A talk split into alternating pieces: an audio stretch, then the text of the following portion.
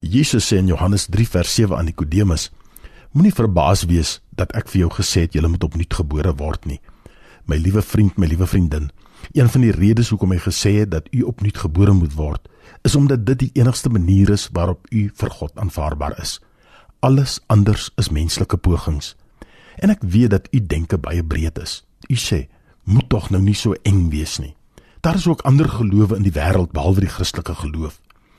Ek vra nie of u van 'n ander geloof is nie en of u geen geloof het nie of wat ook al.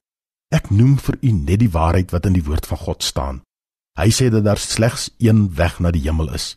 Jesus sê in Johannes 10 vers 9: Ek is die deur. Ek is dit.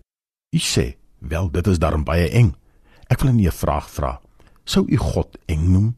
En as dit eng is, sou u met my saamstem dat as God alwetend is, dan sou hy 'n duidelike spesifieke goddelike rede gehad het om die verlossing van die totale mens deur slegs een kanaal, deur slegs een persoon, sy seun Jesus Christus te laat plaasvind.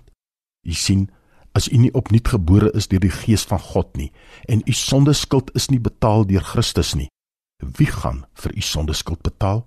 U sê, "Wel, ek gaan dit betaal." Weet u dat die enigste manier waarop u daardie sondeskuld kan betaal, is om te sterf en vir ewig van God geskei te wees? Die Bybel sê die loon van die sonde is fisiese, geestelike en ewige dood. Punt. Of u betaal daarvoor of Jesus het dit alreeds betaal. Die keuse berus by u. U sien dus, al u goeie werke gaan u nie in die hemel kry nie. En dit is die tragedie dat duisende mense wat week na week in die kerk sit, wat passief kom, hy ietsie ingooi en opstaan as daar gebid word, hulle sing 'n lied en keer huiswaarts, dit is alles deel van hulle sosiale lewe. U sê, wil jy my vertel dat daar mense is wat kerk toe kom omdat dit deel is van hulle sosiale lewe? Ek bedoel, mense ontmoet daarom ten minste goeie vriende by die kerk. Jy kan saam met hulle eet en fellowship en jy kan die godsdienstige deel verdra. Kyk net al die vriende wat jy kan maak.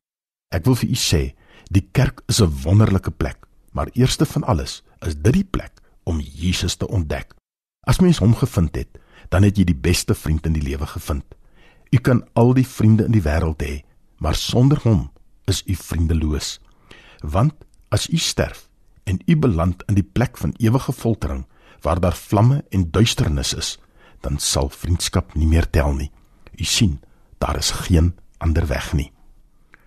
Koning Jesus, ek besef al hoe meer dat daar slegs een weg is en dit is u. Amen.